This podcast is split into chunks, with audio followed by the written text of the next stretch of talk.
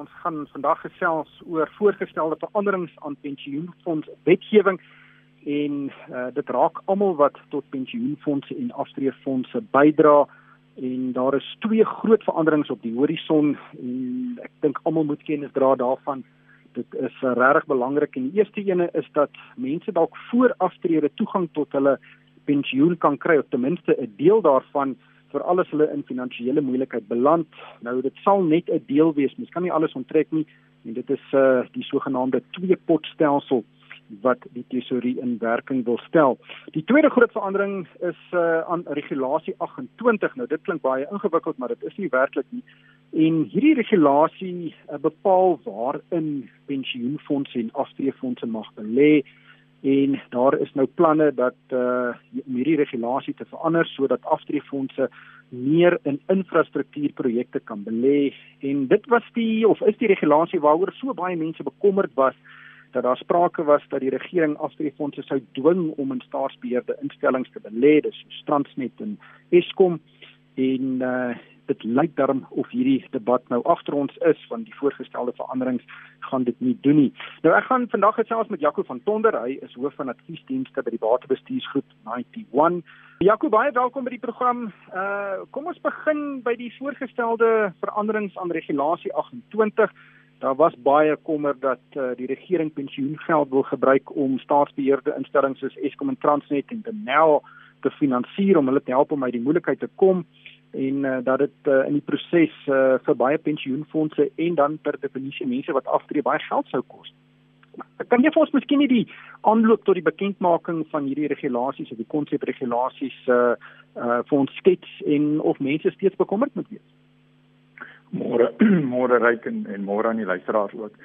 Ja, jy's jy's korrek dat ek dink veral in Covid tyd dink ek het mense baie meer tyd gehad op hande om te wonder oor goed en een van die goed wat definitief in die media geweldig baie aftrek gekry het was die spekulasie dat uh, waar vandaan gaan die geld kom om die Suid-Afrikaanse staatsinstellings uh se befondsingsbehoeftes te kan hanteer en daar was vrese dat daar dalk gekyk sou word na pensioenfonde. Nou weer eens wat ek sê, daar was nêrens ja, definitiewe konkrete uh, interaksies van die tesourier se kant af wat dit aangedui het. En so baie van die stories het eintlik maar in die in die breë publiek en in die media rondgetrek.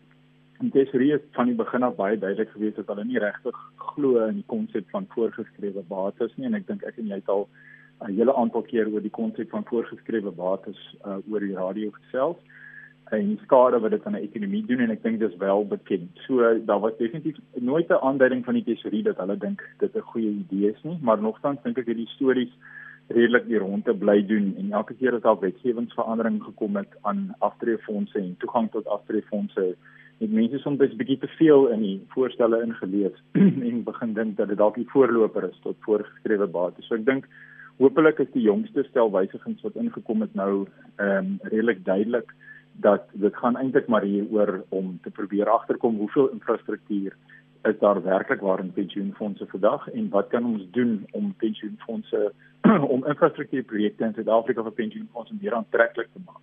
En interessant is as jy met 'n pensioenfonds batebestuurder gesels, maar hulle vir jou sê dat infrastruktuurbates goed goeie projekte wat wat 'n goeie kontantvloei genereer wat wat infrastruktuur gebaseer is goed soos tolpaaie uh waar mense vir water betaal byvoorbeeld. Um watersuiweringsprojekte elektrisiteitsopwekking internasionaal is dit uitstekende projekte vir pensioenfonde as daai projek goed bestuur word is die opbrengs op kapitaal wat jy daai projekte uitkry en die tipiese profile wat daai kontantvloei op daai projekte het is uitstekend vir pensioenfonde so jy met meeste pensioenfonds batebestuurders praat in Suid-Afrika sê hulle dat hulle verskriklik graag meer goeie kwaliteit infrastruktuurprojekte sal wil hê om in te belê. Die probleem is hmm. in Suid-Afrika is daar 'n tekort aan projekte. Daar's nie 'n tekort aan geld vir die projekte jaag nie.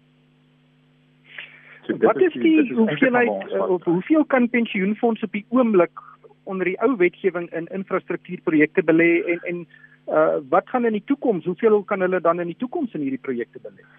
Kyk die die probleem met infrastruktuur is dit is baie moeilik om dit te definieer want infrastruktuurbeleggings kan in verskeie forme uh na vore kom in 'n in 'n in 'n pensioenfonds. Byvoorbeeld jy kan in 'n infrastruktuurprojek belê deur 'n aandeel te koop. Jy kan in 'n infrastruktuur projek belê deur uh, deur 'n uh, lenings uit te reik aan 'n projek. So dit is die eerste probleem is om te probeer om infrastruktuurprojekte sodanig te definieer dat ons net eers kan begin meet hoeveel is daai die blootstelling op die oomblik. Nou die 2.5% is die limiet en ek kan vir jou sê ons is ver van dit af in Suid-Afrika. Want die realiteit is uh meeste fondse kry nie genoeg projekte van die aard wat die kontantvloei aantreklik genoeg is om in te belê. So so die eerste gedeelte van die van die wetgewingswysigings was maar rondom hoe gaan ons nommer 1 dit mooi definieer? En nommer 2 hoe gaan ons dit nou rapporteer? Sodat ons vanaf die staatsdienste oogpunt af 'n beter uh, stel inligting kan kry om te sien hoeveel van ons pensioenfonds geld op die oomblik is betrokke by infrastruktuurprojekte en watse tipe projekte is dit? Dat ons daai gedeelte kan verstaan. Daar daar's die data vir dit beskikbaar so van die begin af was dit die tesorie se groot standpunt gewees dat hulle kan nie regtig wetgewing maak as hulle nie inligting het en dit is hoekom hulle van die begin af probeer het om eers net te sien hoeveel infrastruktuurprojekte het ons kry die definisies reg en begin met 'n 2.5% limiet en dan kyk ons van daar af verder maar daar's nie 'n vereiste vir enige bedrag groter as die lering so dit staan enige pensioenfonds vry om niks in infrastruktuur te belê nie as dit is wat hulle wil doen en ek dink dit is op die ou ene waarvoor mense versigtig was dat daar 'n verpligting sou kom en dit is definitief nêrens ingegee nie Ja en, en daardie reëls word deur die trustees van die pensioenfonds gestel. Hulle kan sê luister ons wil in infrastruktuurprojekte belê of nie. Dit dis dis hulle diskresie 100%. Korrek. En ek kan vir jou sê dat weet, ek werk vir 'n batebestuursgroep. Ons word deur verskeie pensioenfonde met gereelde uh, versoeke oorval om te sê is daar nie iets in die infrastruktuurspasie ons wil graag iets doen uh weet uh, onder onder van ons projekte waar ons wil teruggee as pensioenfonds aan die omgewing waarin ons werknemers opereer en waar hulle bly. Is daar nie projekte wat julle vir byvoorbeeld uh sonkragopwekking of watersuiwering of ietsie dit kan probeer uh, van die grond af kry dat ons kan besluit dat die geld beskikbaar stel. So dis dis interessant as jy praat aan die kant van die mense wat na die geld kyk, is hulle baie meer op soek na projekte as as as byvoorbeeld aan die ander kant die die die probleem bly dat ons het 'n tekort aan projekte in Suid-Afrika. Die probleem is nie dat infrastruktuurbeleggings noodwendig 'n swak oplossing is nie. En ek dink dis hoe die meeste trustees daaroor dink. So die trustees is baie gemaklik om in goeie kwaliteit projekte te belê, maar die geheim is die projek uh, moet 'n hoë kwaliteit kontantvloei hê en natuurlik die projek moet bestuur word met goeie finansiële beginsels um, en en jy moenie korrupsie hê en dit is die vereistes wat veroorsaak dat baie infrastruktuurprojekte nie die laaste hekkies maak nie. Ja, hier is 'n uh, SMS wat deurkom. Ek gaan nie die persoon se naam noem nie, maar ek dink dit onderstreep 'n uh, wanpersepsie en en dit is dat die regering wil inbraak maak op harde werk.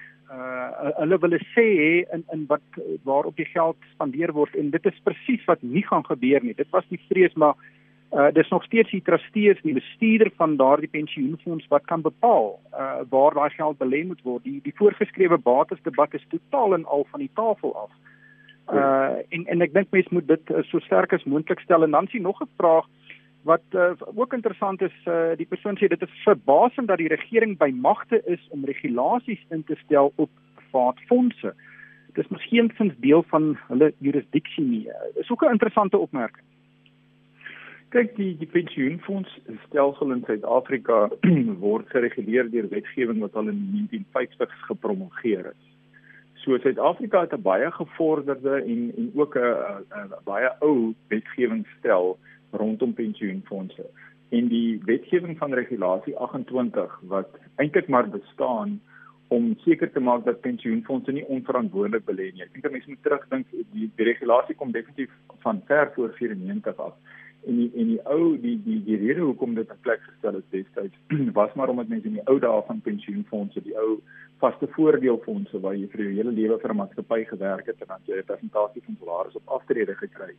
En daai pensioenfondse was daar destyds baie skandale waarvan die uh, fondse belê het in die maatskappy se eie aandele byvoorbeeld of hulle te groot blootstelling gevat in projekte waarby die maatskappy self betrokke was. So op die ouene was daar groot risiko's in die pensioenfondse gevat, groot verliese gewees en dan moet die staat instaan om te probeer om die pensionaarsse te help. So regulasie 28 het eintlik sy oorsprong in onverantwoordelike beleggings deur pensioenfondse baie baie dekades gelede.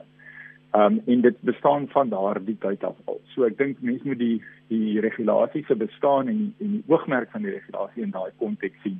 Dit is definitief nie daarom vir mense te sê jy moet nou belê in Suid-Afrikaanse aandele en jy moet nou belê in hierdie uh, tipe Suid-Afrikaanse aandele, jy moet mynbou aandele koop of jy moet Suid-Afrikaanse banke koop.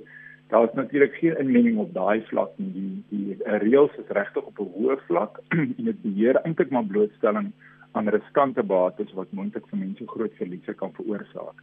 En natuurlik die ander groot faktor wat by regulasie 28 is, is natuurlik hoe jy in die buiteland mag belê. Maar die ander komponent is wat verander het ook nou met die onlangs uh begrotingsrede deur die minister. Ja, daar's ook 'n persepsie dat beleggings of uh, in infrastruktuur uh net in regeringsprojekte is. Regeringsinfrastruktuurprojekte dit is nie die geval nie. Jy kan of jy fondse kan in private sektor fondse en net in private uh, uh, uh, sektor fondse belê as hulle dit sou wou doen. Korrek. En ek dink mense moet as mens kyk na infrastruktuurprojekte in die algemeen, moet mense onthou daar's oor die algemeen twee tipes infrastruktuurprojekte wat ons na kyk as ons praat van 'n um, of of 'n projek 'n beleebare projek.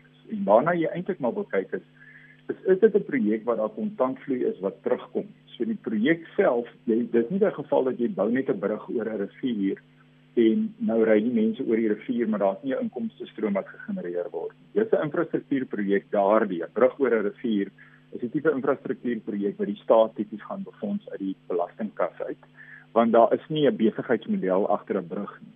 Maar die oomblik as jy 'n tolpad het of jy het 'n tonnel met 'n tolstelsel soos wat ons hier in die Kaap het of jy het um, of jy het 'n stelsel waar jy sonkrag opwek en krag aan 'n munisipaliteit verkoop of jy het 'n watersuiwering wat natuurlik in Suid-Afrika 'n enorme krisis begin raak in 'n groot klompie van die kleiner munisipaliteite waar daar geleenthede is vir die private sektor om in te kom om watersuiweringswerke wat heeltemal hopeloos uh, uh oorrompel is om daardie watersuiweringswerke weer reg te kry en om hulle operasioneel te kry en dan in ruil daarvoor natuurlik kry hulle geld vanaf die munisipaliteit of die of die plaaslike inwoners van die munisipaliteit.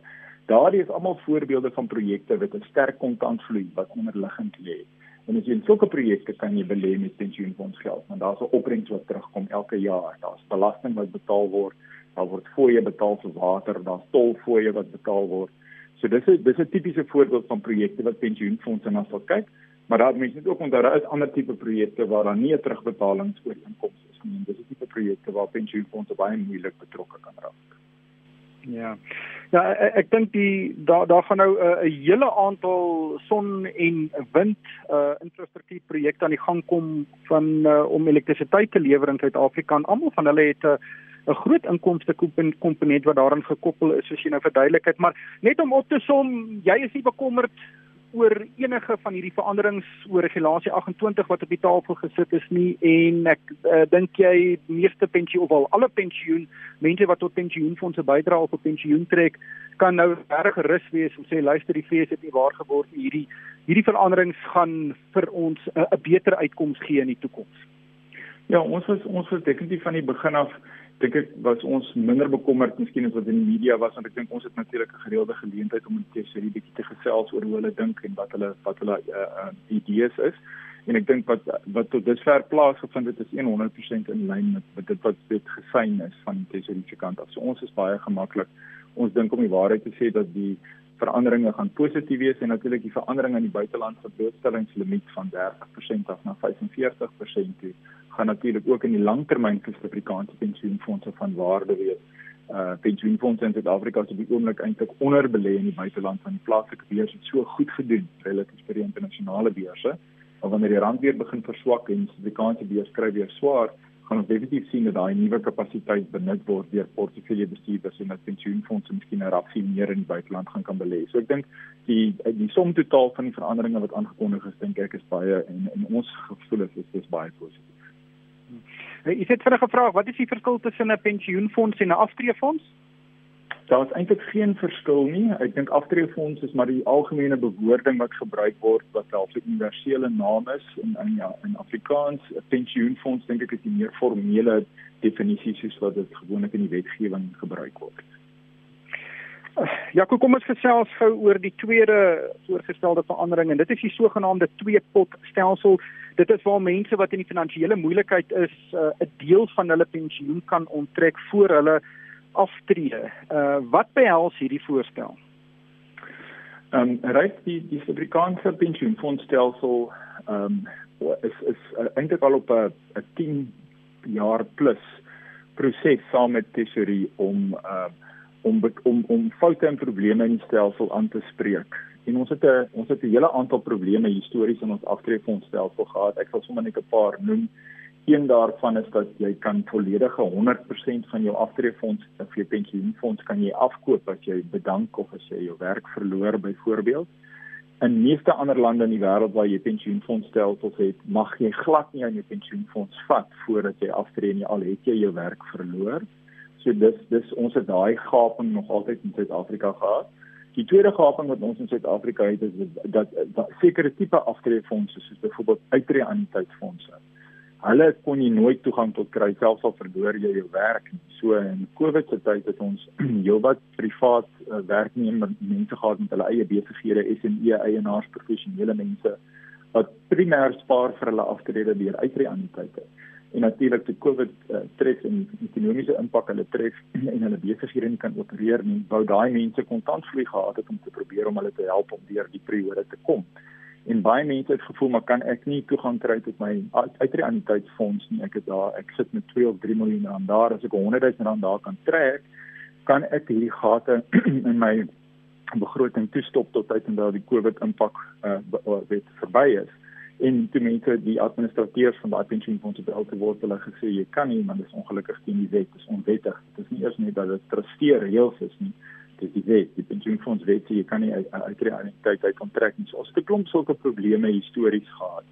En ek dink die tesorie het na lang gesprekke met 'n klompie industrie spelers in die laaste 18 maande het hulle met hierdie voorstel gekom wat probeer om 'n klomp van die probleme sommer in een nou reg te stel. En die twee pot stelsel is eintlik maar het sy oorsprong daarin om om beide die aspekte aan te spreek. So ons praat van 'n twee pot stelsel want in feite is daar twee is daar twee stelle reëls wat nou gaan verander van die datum af wanneer dit geïmplementeer word en ek moet vir luisteraars net ook sê dit gaan heel moontlik eers geïmplementeer word in 2024 want dit is 'n lywige klompie werk om te doen om die wetgewing goedgekeur te kry en om al die stelselwysigings te doen by die pensioenfonds administrateurs.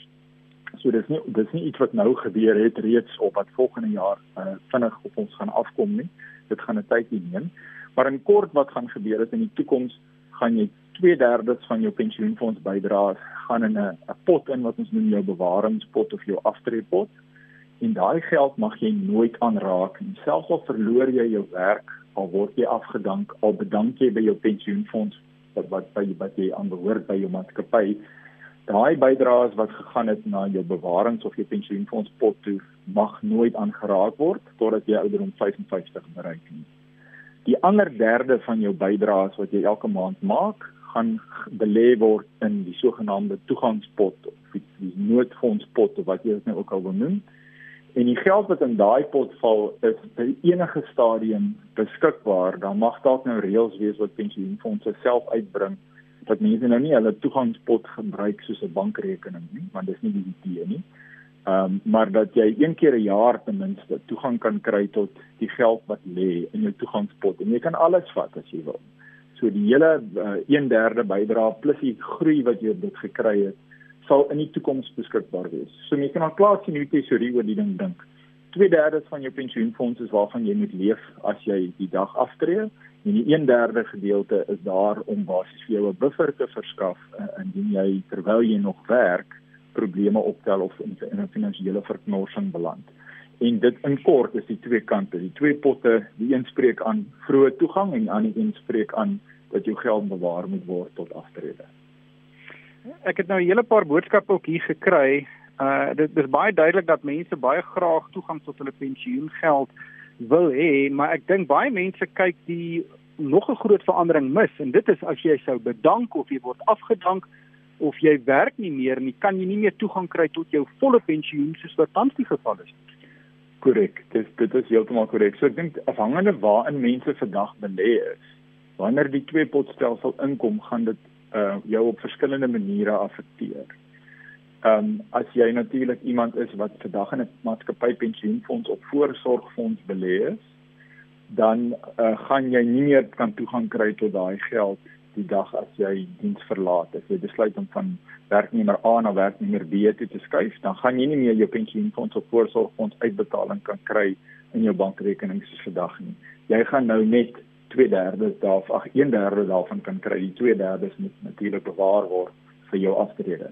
So dis die mense wat miskien nou 'n uh, bietjie moeiliker toegang tot hulle geld gaan hê as voorheen. Aan die ander kant mense wat in 'n uitreaniteit belê het, het vandag geen toegang en hulle gaan in die toekoms se toegang kry tot 'n derde.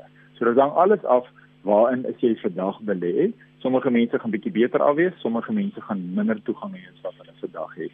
Ek wil net een belangrike punt hier noem want ek dink as 'n klomp mense dalk nou hier um, baie opgewonde kan raak as hulle dink o, gat, my bestaande pensioenfonds gaan nou skielik aan hierdie reëls onderhewig wees.